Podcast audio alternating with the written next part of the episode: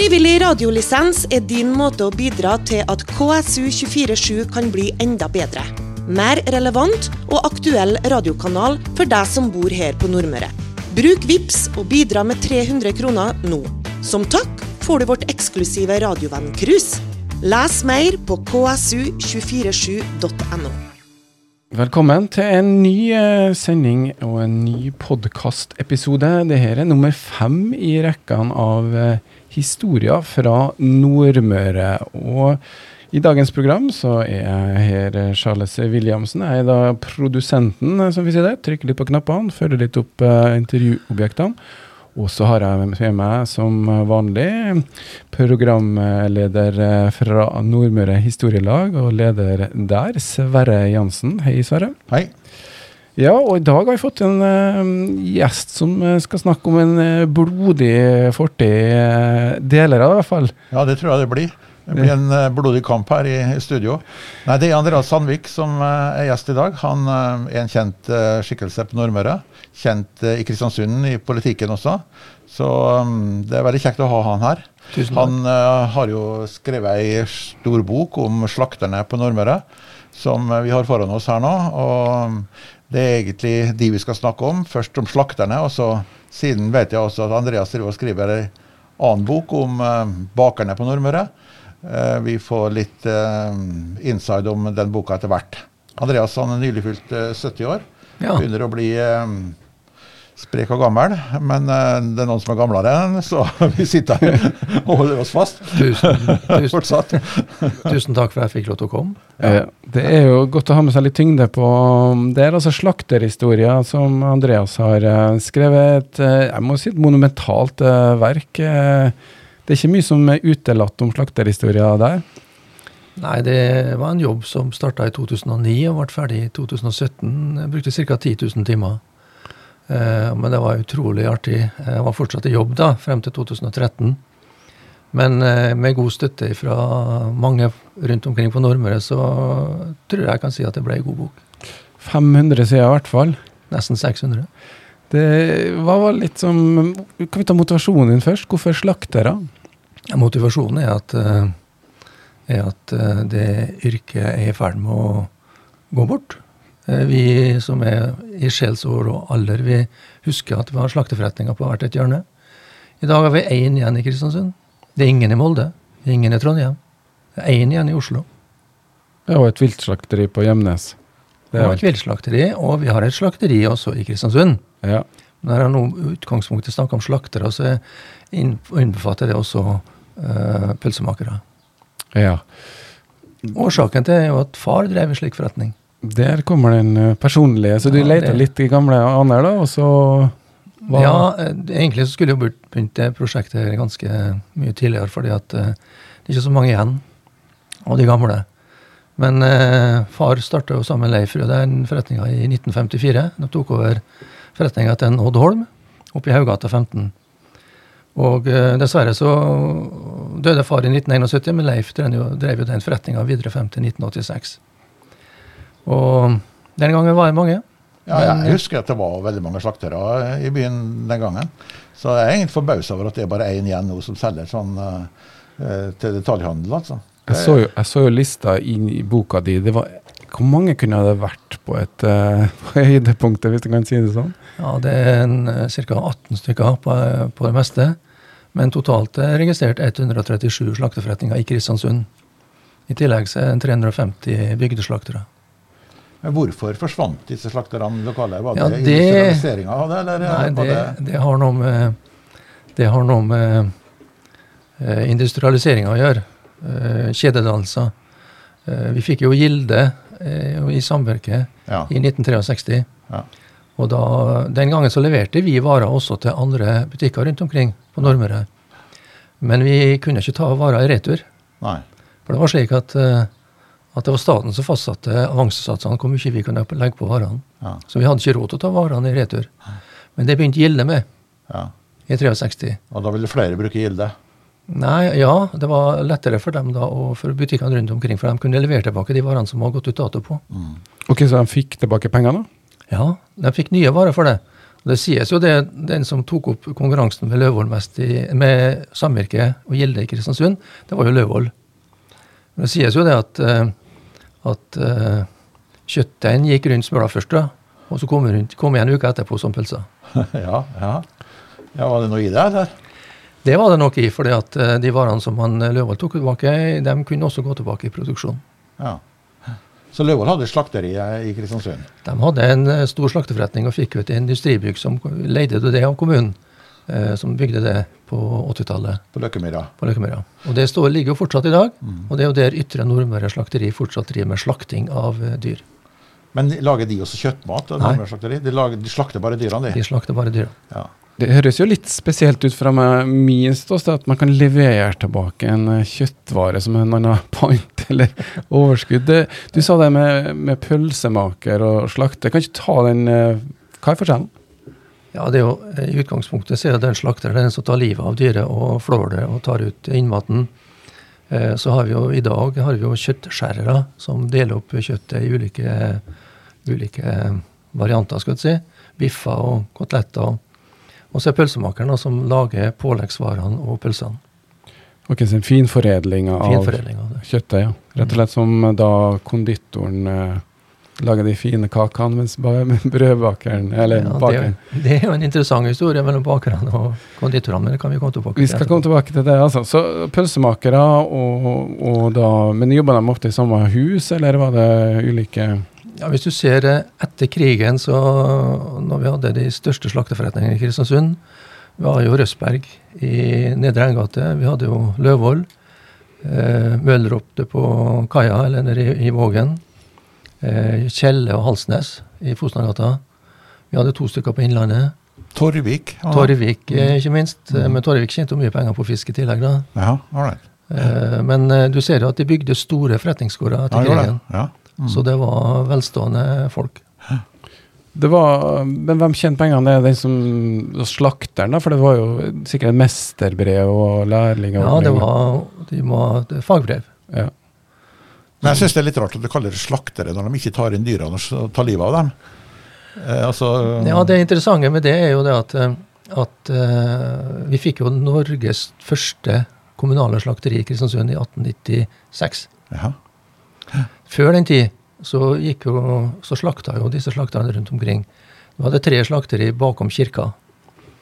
Og det, fikk vi, en, vi fikk en lege i Kristiansund som heter Trumpy. Og han syntes at det var litt for gale, fordi at det lukta fryktelig mye av avfall. Blod og avfall. Blod og avfall. Mm.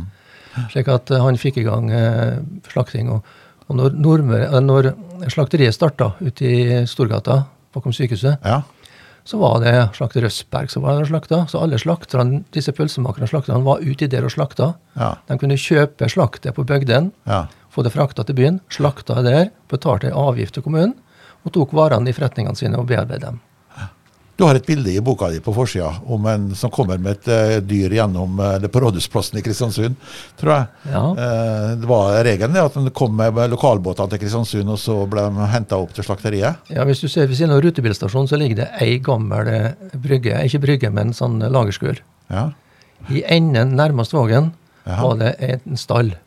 Ja. Når båtene kom fra bygdene, enten det var Aure eller Statsråd Lemkulle Nei, ikke Lemkulle, nå snakker jeg bare tull her. Men disse fjordabåtene. Ja. Riddervoll. Kom, kom Riddervoll, ja. ja. Så kom, så kom dyrene i kassa. Jaha. Men det er også en litt interessant historie der. Fordi at vi hadde en kaptein Beck, som var en eh, stram kar. Og han eh, slakte mork, i Sivert Mork inn, på, Øygarden. Han hadde vært på Smøla en gang og henta en okse. Og han ville ikke om bord i båten, så han for på sjøen. Og Da tok de og hyva ei løkke rundt eh, ei trosse rundt hornene på den og heiste den opp. Oksen? Etter hornene. så oksen kan svømme, er det du sier nå? Ja. Og når, når, eh, de kom til byen, så ble den også, eh, også heist på land. Heist på land. Ja. Og det var en eh, lege som var medlem av Dyrebeskyttelsen, som syntes dette var en forferdelig måte å, ja. å si det på, og gjøre det på. Og gikk til rettssak da mot, mot en Sivert og en Beck. Og det er forresten bestefaren til en Alfred Beck. Ja. Og den rettssaken den er ganske morsom, fordi at uh, han uh, forsvaret sitt sjøl, han Beck. Og mente det at, uh, fordi at legen mente det at når det heiste opp, uh, opp dyret etter hornene, så falt hjertet ned i magesekken. Jaha. Og det mente han var litt farlig. Og så sier han det at eh, han merker at ja, det er nå ikke bare det er i andre posisjoner at, eh, at oksen står opprett. Hvis det var slik at han blir, blir dårlig av det, så kunne det iallfall ikke bli noen gode, gode oksekalver av det. Nei. Så det mente han var tull. Ja. Men det var egentlig altså, at de eh, tok inn dyrene fra båten, og så dyrene. satte de på stallen, og så dro de til, gjennom byen med dem. Og denne karen som er, det var en trane, og vi som lever på 50-tallet, han eh, husker jo han. Ja. Men eh, altså, det her er jo Grunnen til at det var mange slaktere, var kanskje fordi at eh, maten skulle være fersk. Det var jo ikke akkurat samme lagringsmulighetene som man hadde i dag. Det er korrekt. Eh, Det starta jo eh, Altså, vanlige fattigfolk åt ikke kjøtt. De måtte spise fisk, for de hadde råd til. Slik at opprinnelig så var kjøtt eh, for velstående folk. Og de største, eller disse handelsmennene i Kristiansund hadde egne gårder. Mm. Og egne krøtter, så de hadde egne melk.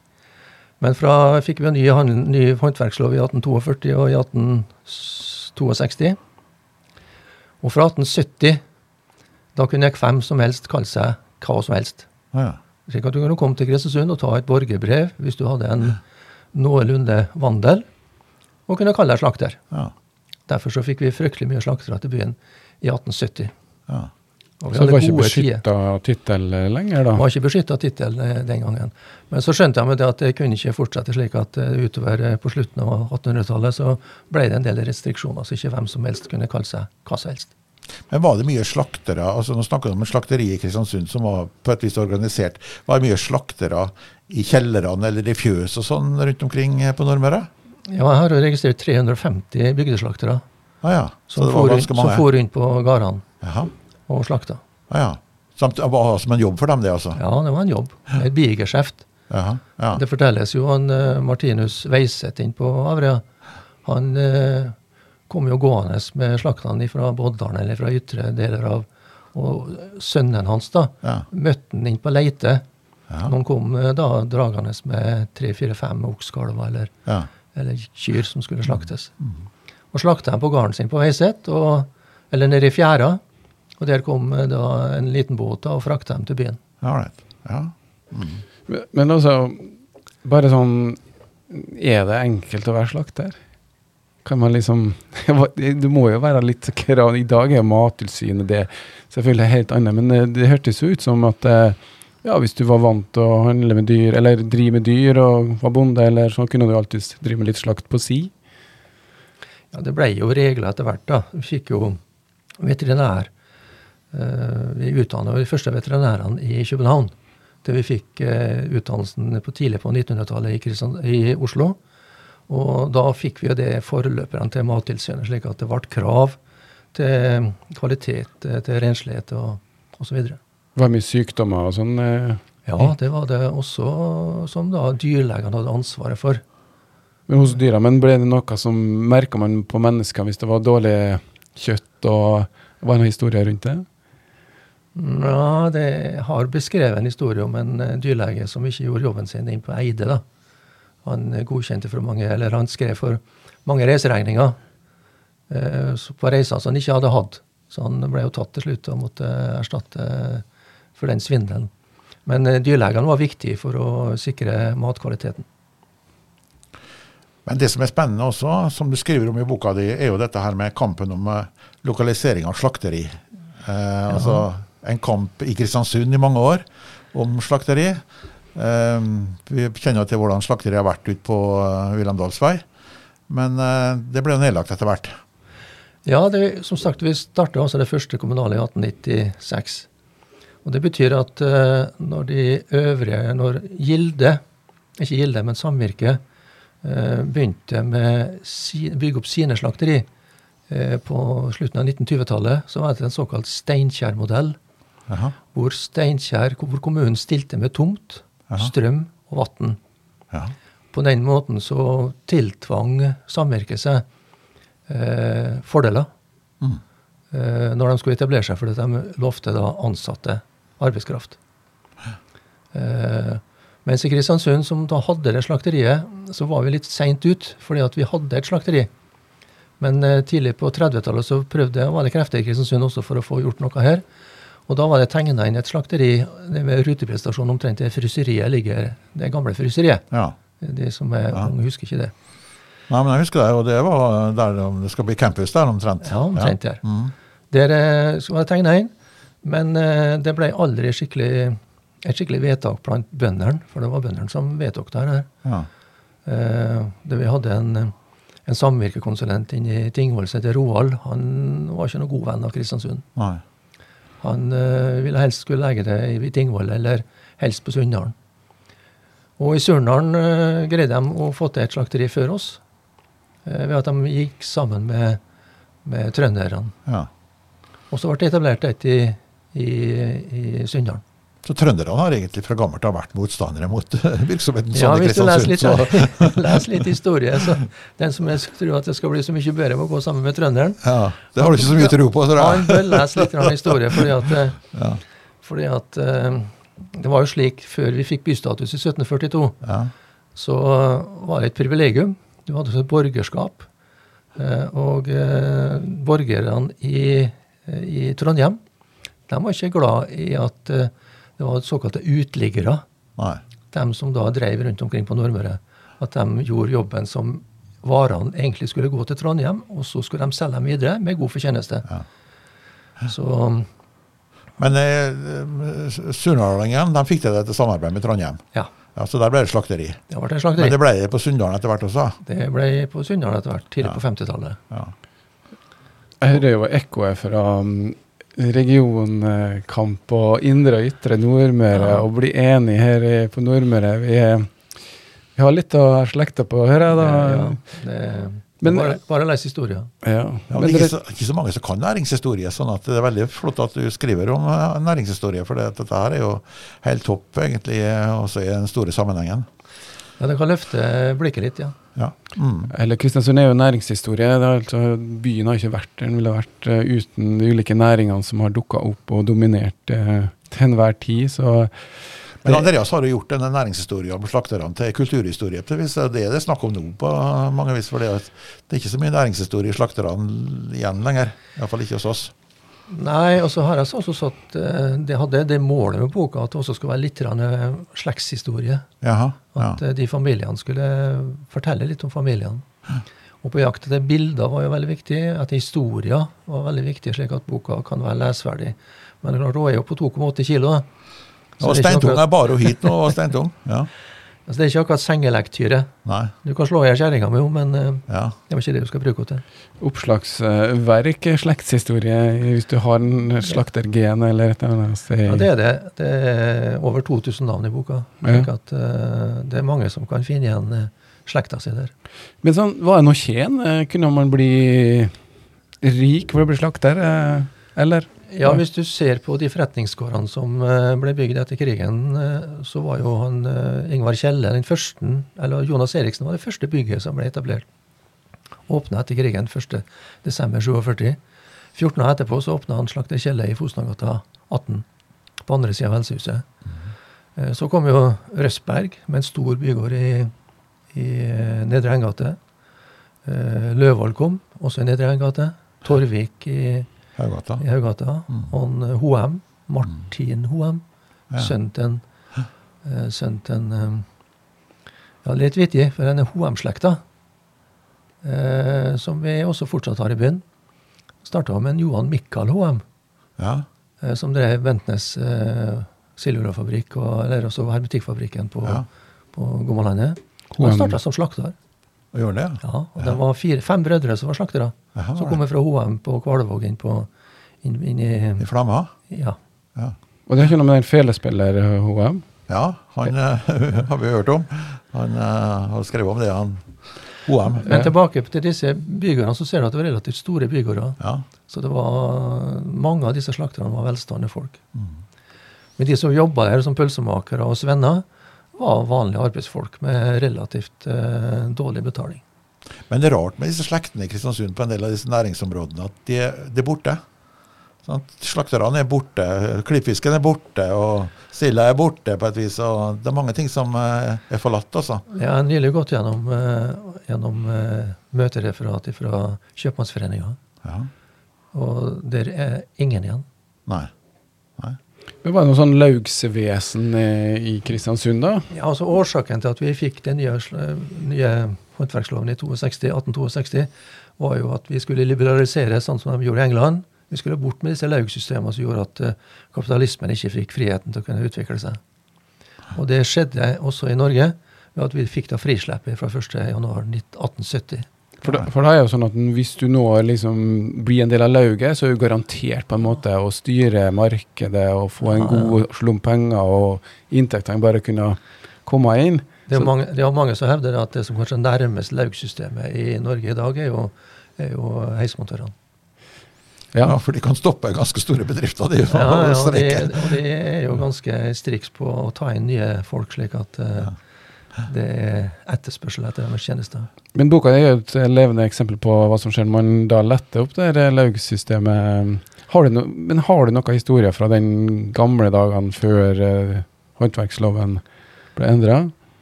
Ikke nødvendigvis eh, Var det like bemidla folk som var slaktere da òg? Ja, det var det. Ja, ja. De var, hvis du ser i skattelistene fra, som står i Romsdals Amtstiden og, og Romsdalsposten fra henholdsvis 1837 og 1876, så eh, de dominerer de listene over eh, velstående folk. Men jeg har historie, og den er fra russetida mi. Jeg var russ i 67. Jeg tror det var 67, ja. Og da hadde vi en russeavis med veldig mange annonser. Og den russeavisa har jeg ennå, men ingen av de som annonserte i den russeavisa 67, har forretninger i Kristiansund nå. Men du må fortelle meg litt om eh, dette med slakteriet. Altså, vi fikk jo et slakteri etter hvert på Løkkemyra. Ja. Nei, på, um, på Wilhelm på Ja. Så det var eh, i konkurranse kanskje da med Surndalen og Sunndalen. Ja, det var jo Altså, Nordmøre var kjøttprodusenten i Møre og Romsdal. Ja, right. Eh, Det var også krefter som ville ha et eh, slakteri inn i, inn i Åndalsnes. ja. Men moldenserne greide jo å, å kare det til seg, da. ja, så det ble nedlagt på Da gikk det ikke lenge. Ja, På 80-tallet så ble det nedlagt. Ja. Og da flytta de ansatte, som bl.a. han Terje, som nå har eh, Ytre Nordmøre slakteri, han ble med til Molde Ja. og slakta fortsatt der. Eh, Men så hadde han litt lyst til å begynne for seg sjøl. Og hadde skrevet offentlig, en søknad til offentlige organ for å få støtte. ja, og det gikk om eh, Dessverre så ble det svarbrevet sendt tilbake til han, til hans arbeidsadresse i Molde. Ja. Hvorpå han fikk beskjed om at uh, Det er bare å finne noe annet. Ja.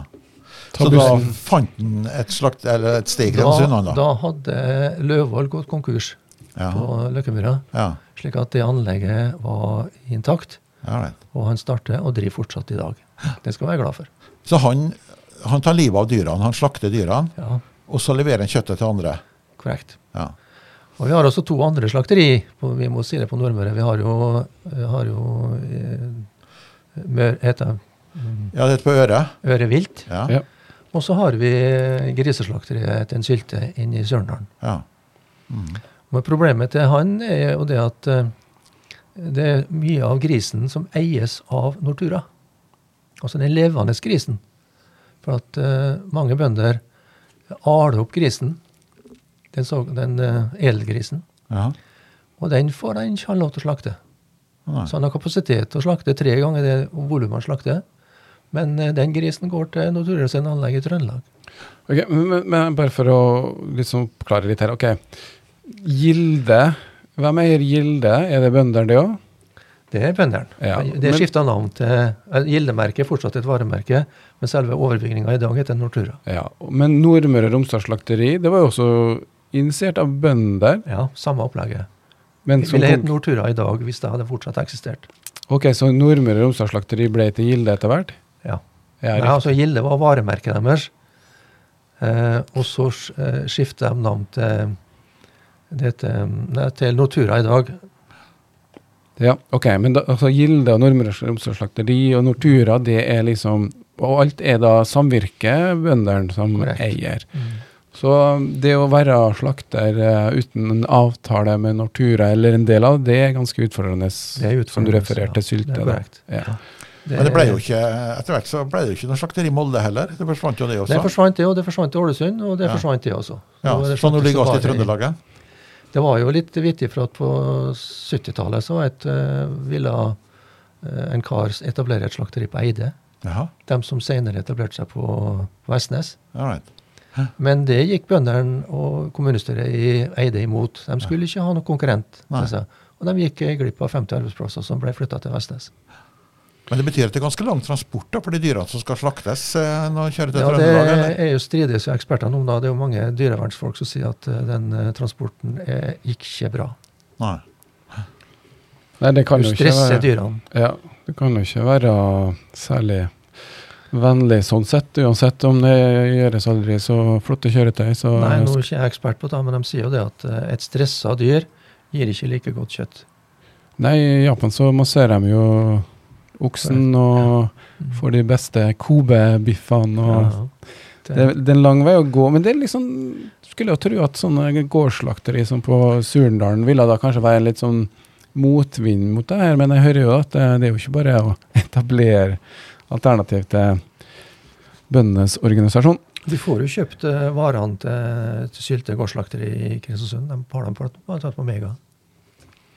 Men han eh, Bjørge han eh, Løvik, da, som har, uh, har Gaupses etterfølger på et vis, som eh, er på um, Løkkemyra, han har greid det, dette her. Han har greid det. Hvordan er fikk greid han på en måte å manøvrere seg her, da? Han, eh, han tok jo fagbrevene da, som pølsemaker, og eh, er jo en, eh, en dyktig eh, fagmann. Produserer gode varer. Og vi skal være glad for at vi har den. Så vi får litt annen, eh, et annet utvalg. Bedre utvalg. Det koster noen kroner ekstra. Men eh, det er det verdt. Og vi er jo en gjeng på syv stykker som produserer pølser til hver jul. Altså, du er egentlig ekspert, du. Ja, ekspert er jeg ikke, nei. Men vi, Men gjør det på slakteriet til en uh... vi, vi kjøper råvarene hos Bjørge, Ja. og vi kjøper tarmene hos Bjørge, slik at eh, vi blander varene sjøl og lager pølsene sjøl og knyter dem. Og, og så mens konene eh, produserer julekaker, så produserer vi pølser. Så har vi en pølse- og julekakefest like før jul hvert år. ja, Kjempebra.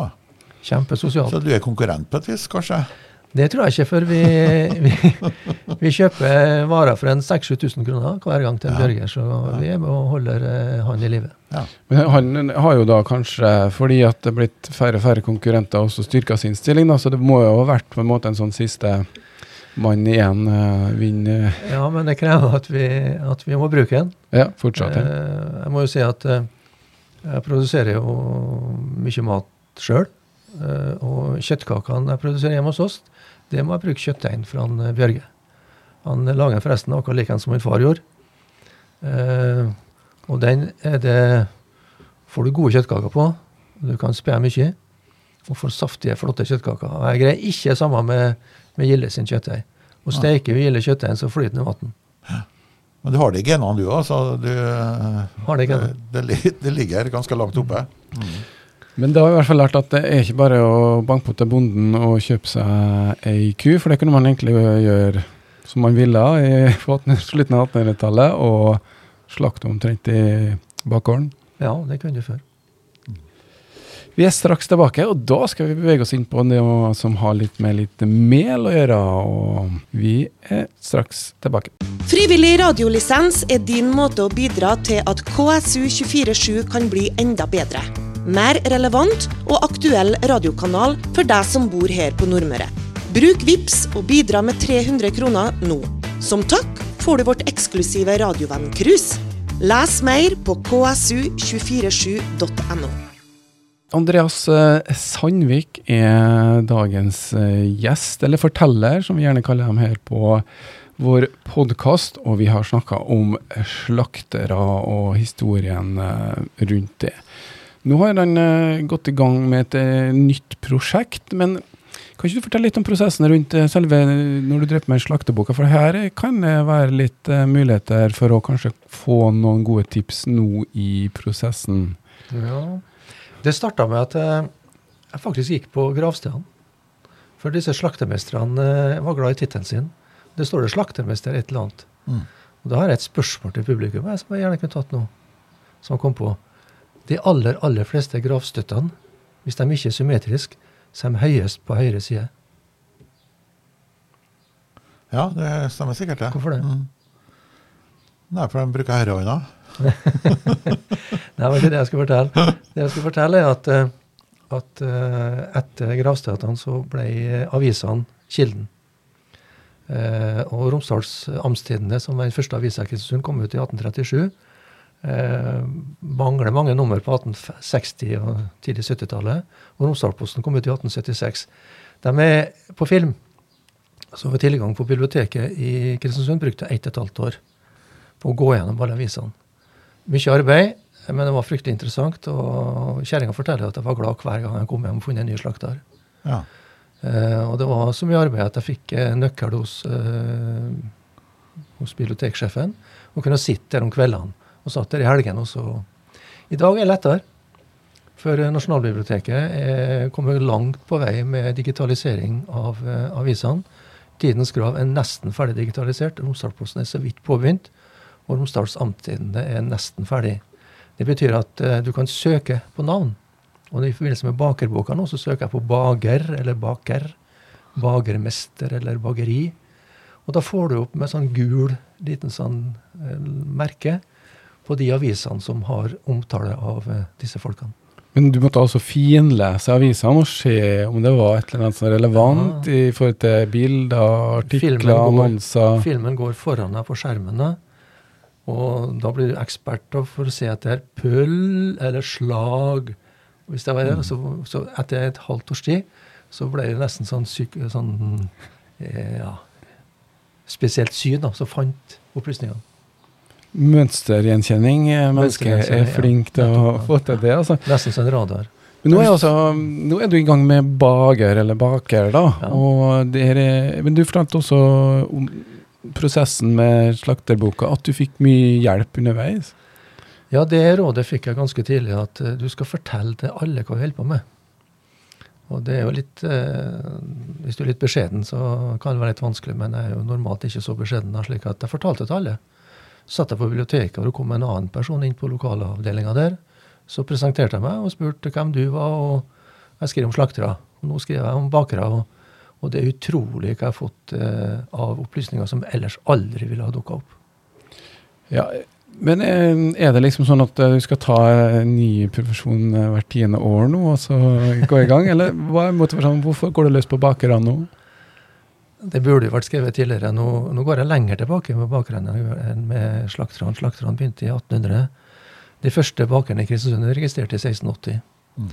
Så jeg går helt tilbake til det, selv om da kildene er veldig vanskelig. Men jeg må jo si at det som også skiller seg fra slakterboka til bakerboka, er at jeg har for en medredaktør på bakerboka, og det er en eh, Tore Kristiansen.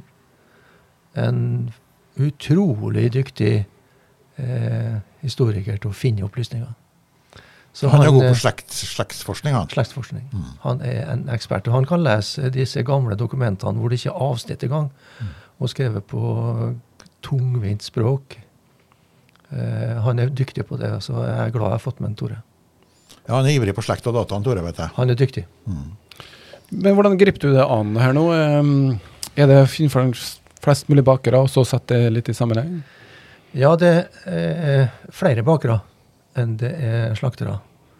Og det betyr at det er et plassproblem, fordi at eh, slakteboka ble på nesten 600 sider. Og, og blir oppover 700, så begynner det å bli så tung at du kan nesten ikke bære henne, Sverre. Eh, Nei, jeg skal ta meg meg. Jeg skal kjøre bil. Men jeg hadde også intensjon om å skrive om vakstekjerringa. For dem jeg heller ikke skrevet noe om. Eh, bygdebøkene er skrevet av mannfolk, om mannfolk, Ja. og kanskje for mannfolk. Eh, Vakstekjerringene som for rundt omkring på gårdene og vakte, dem er ikke skrevet noe om. Så jeg har starta researchen mens jeg holdt på med bakerne, så researcher jeg også på bakstekjerringene. Men det må nok bli ei ega bok. Ja, vi har ikke hatt så mange kvinnelige gjester, Sverre. Vi må jo kanskje bare ta Nei, oss litt i det. Er eh, historie litt sånn eh, Ja. Når Ja. gutta blir interessert i etter hvert som man blir eldre, eller? eh? Men det er mye, mange damer som er interessert i historie, så jeg tror at uh, Og Ja, dere har mange medlemmer i historielaget Ja, historielaget mange også? kvinner som er medlemmer i historielaget. Ja. Og det er Men, mange gode eh, møter. Du har mange gode møter. Ja. Men du, eh, Du snakka litt om dette her når det gjelder slakterne, men det samme gjelder, gjelder bakerne. Det er en konflikt mellom trøndere og nordmøringer eller på bakerne ja, også? Akkurat det samme. Ja. Noen, så hegemoniet ville egentlig trønderne ha? Ja, de ville ha, og disse utleggerne var også bakere som da for ned til Kristiansund og etablerte seg her. Ja. Hadde jo borgerskap i Trondheim, og de ville helst ha dem tilbake dit og kunne selge varene og frakte dem med, med seilskuta ned til byen. Men eh, eh, profiten var nok best for dem hvis de lokaliserte seg her. Ja, Da Kristiansund fikk kjøpedalsrettigheter i 1742, ja. så var jo det mot trønderne på vis. Det ja, ja, ja. kongen som ga dette her, men det var trønderne var uenige i det. Trønderne var motstandere av det hele tida. Men eh, ok, bakersituasjonen. Altså, hvilken rolle har bakeren spilt opp gjennom tidene? Alle skal vel ha brød? Ja, det er korrekt. Eh, hvorfor ble det i så fall etablert bakeri her ute på Holman? Jo, det, det, er jo i, i seilingsleia, da. Eh, så mye av det de bakte, var, var skipskjeks. Altså tørre brød som gjør at de kunne frakte dem i tønner. Og kunne være med på turer, farta ned til Sør-Amerika og, og Sør-Europa. Eh, slik at det ble bakt mye skipskjeks her i byen. Så den kjeksa som Sibas laga en periode, den var kanskje Nei, det... oppskrifta der? nei, den havrekjeksa er ikke, ikke skipskjeks. Nei. For skipskjeksa var nok uh, en uh, tørr og ganske usøta variant. Ja. Så det var hardere kost? Hardere kost. Mm. Men det daglige brød, da, som, det var ikke for å betjene lokalbefolkninga, altså? Jo, det, det er vittig å si at uh, mange av disse bakerne hadde noe som de kalte for hjembakst. Ja. Det vil si at uh, du kunne komme ned til bakeren med et brett med deig som du hadde satt sjøl, og så ble det stekt på ettervarmen i ovnene til den enkelte av bakerne. Men det var ikke alle mesterne som var glad i det, for det var jo en tapt omsetning. Ja, for det, det som er utfordringa for folk flest eh, den gangen, var å ikke ha en ovn, og rett og slett. Ja. Mm. Det var ikke alle som hadde den, den, tilgangen. De hadde nok en ovn de kunne få litt varme i, men uh, ikke bakerovnene. Men du snakker om svennene. Hvem var det egentlig? Ja, De, de starta som læregutter. Ja. Og hadde jo arbeidstid som uh, er utenkelig i dag. De fleste bodde jo, også svennene med familien sin, bodde hos bakermesteren. Ja. Uh, sengetøy var ofte melsekker. Uh, de spiste der. Og var på mange måter eh, nesten slaver. Jobba kunne 16, opptil 16-18 timer i, i, døgnet. Først på slutten av 1900-tallet fikk vi ti timers arbeidsdag. Seks dager i uka. Ofte nattarbeid. Så det var tøffe folk, eh, tøffe kår. Eh, og det, vittige, eller det interessante er jo at eh, bakersvennene i Kristiansund er de som organiserte den andre fagforeninga i Kristiansund etter typografene. Men var det sånn så de var egentlig liksom, de forsøkte å koble seg sammen for å få bedre vilkår? da, Ja, de ble etablert i 1892. Ja. Og vi har lite materiale fra de første årene. Men de hadde jo sin første streik rundt 1900. Ja, vel. Ja. Men var det sånn da også at du måtte tidlig opp om morgenen for å bake, eller eh, bakte du utover hele dagen? Altså, du, du var Sven sikkert i som læregutt eh, så gikk de, eh, gikk de som svenner i tre år da, før de fikk et svennebrev. Aha. Og måtte de ta mesterbrev hvis de da skulle starte for seg sjøl. Men det var jo slik eh, i disse, disse laugene, som de var, ikke var, men i realiteten kanskje var, var at de, det var ikke så lett å bli mester. Det var først når en mester daua, at det kunne bli en ny mester. Og da kunne du bli mester ved at du gifta deg med enka. Ok.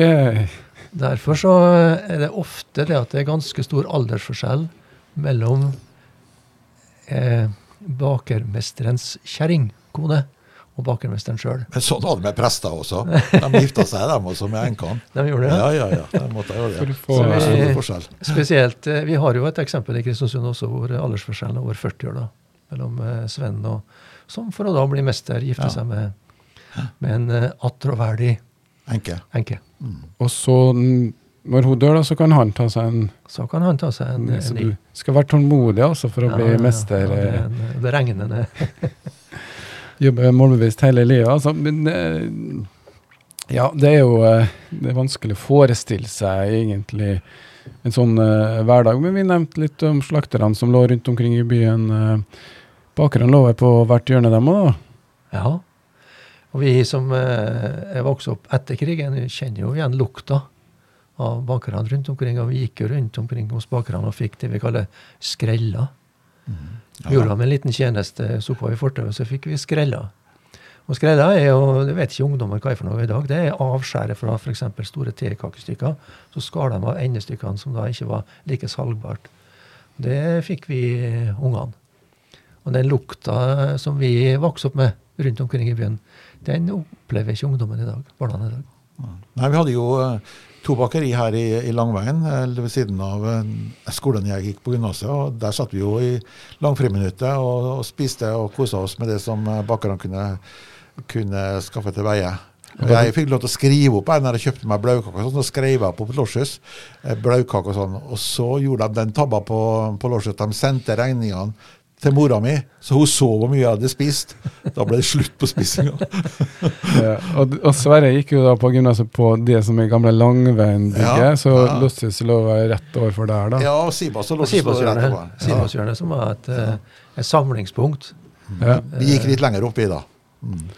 Men eh, jeg har jo gått med avisene, og det var jo ferdig sånn ja, tre-tida kunne det være. Og da var jeg jo ferdig på Sibas, eller nede på Tingnes, og drar på baksida der. og av og til kunne få seg Hvorfor heter det Sibas, da, tror du?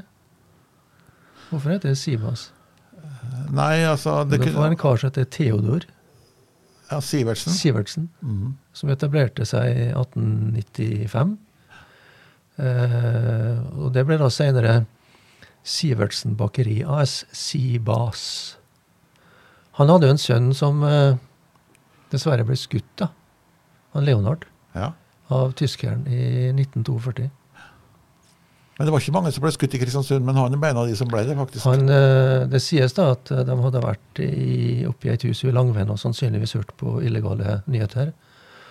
Og så når de kom ut fra bygget, så ble de ropt halt. Mm.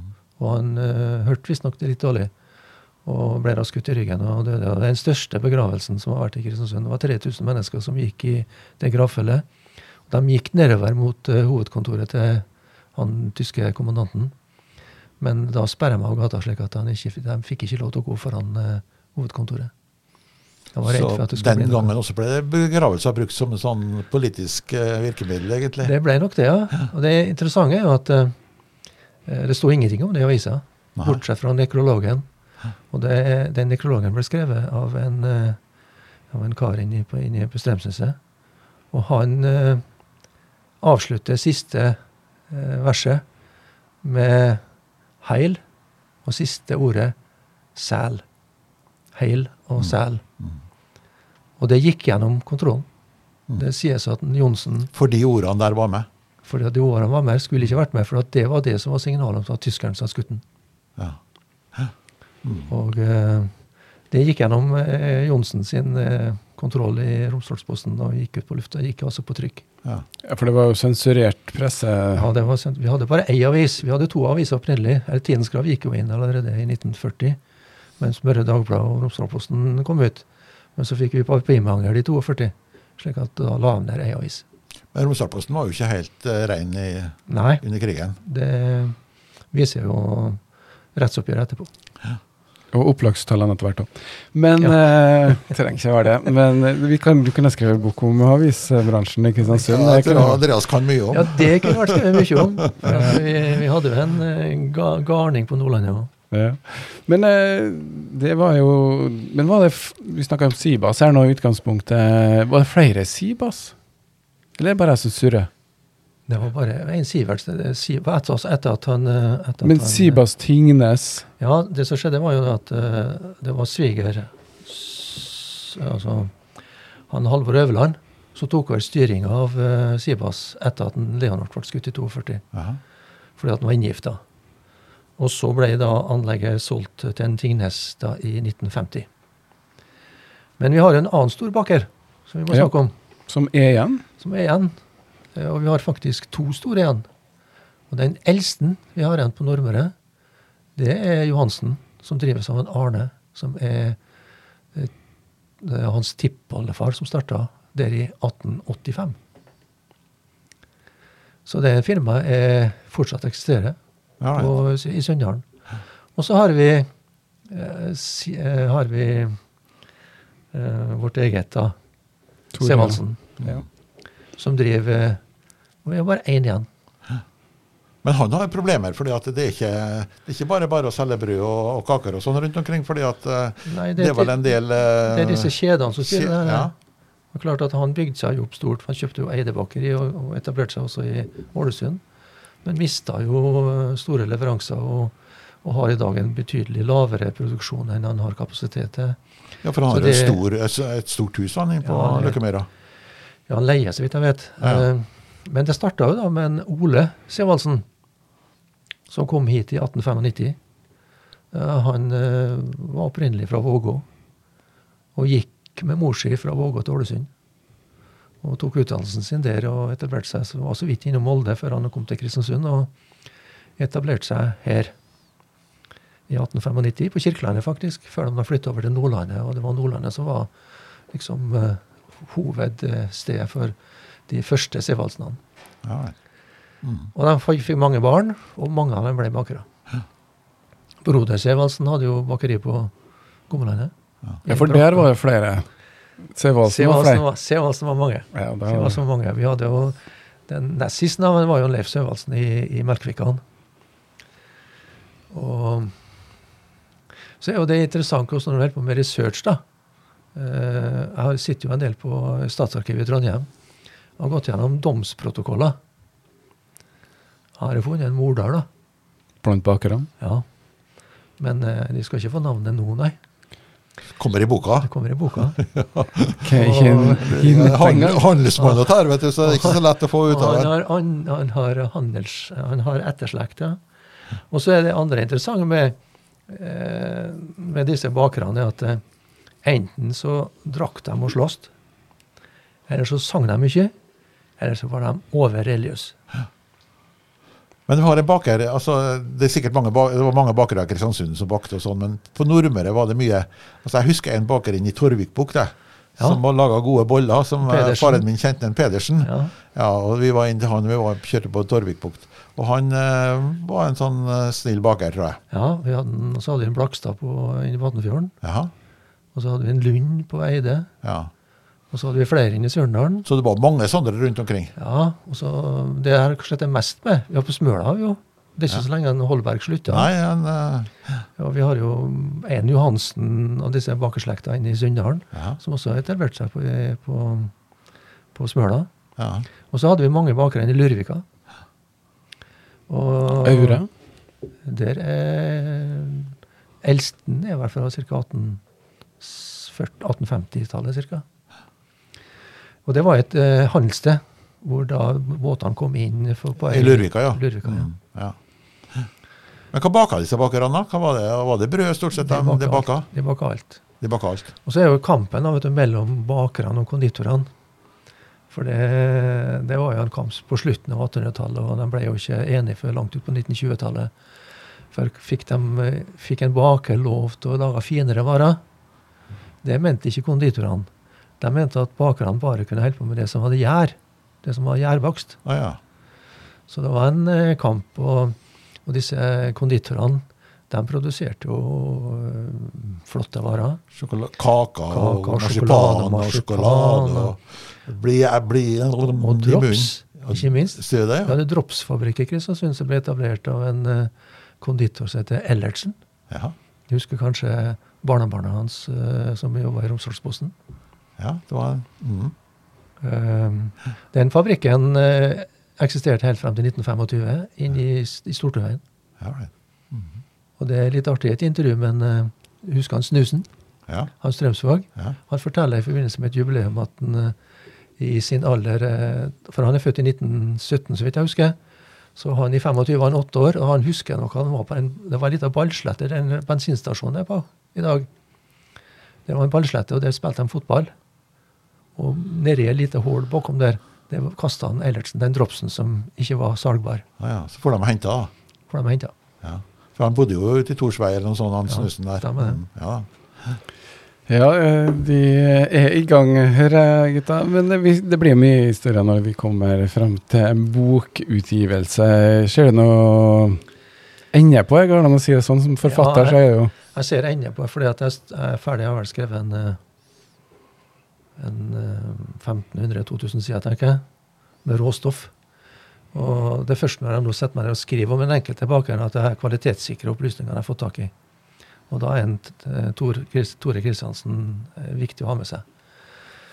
Eh, og jeg håper at det blir ferdig med boka i høsten 2023, altså om to år. Det er litt avhengig av at, eh, at eh, Kristiansunds historie blir ferdig til neste år. For jeg har ikke lyst til at de skal bli kommet samtidig. Nei. Fordi at uh, Jeg tror den ble, bok- den blir litt rådd på den Kristiansunds historie, tror jeg. Ja, jeg snakka med Peter og Ingeberg, som er sekretær i prosjektet, og han antyda at de kanskje blir forsinka frem til 23. Fordi at uh, ei slik slakteboka koster en halv million. Ja. Eh, og bakeboka kommer sikkert til å koste 100 000-200 000 mer.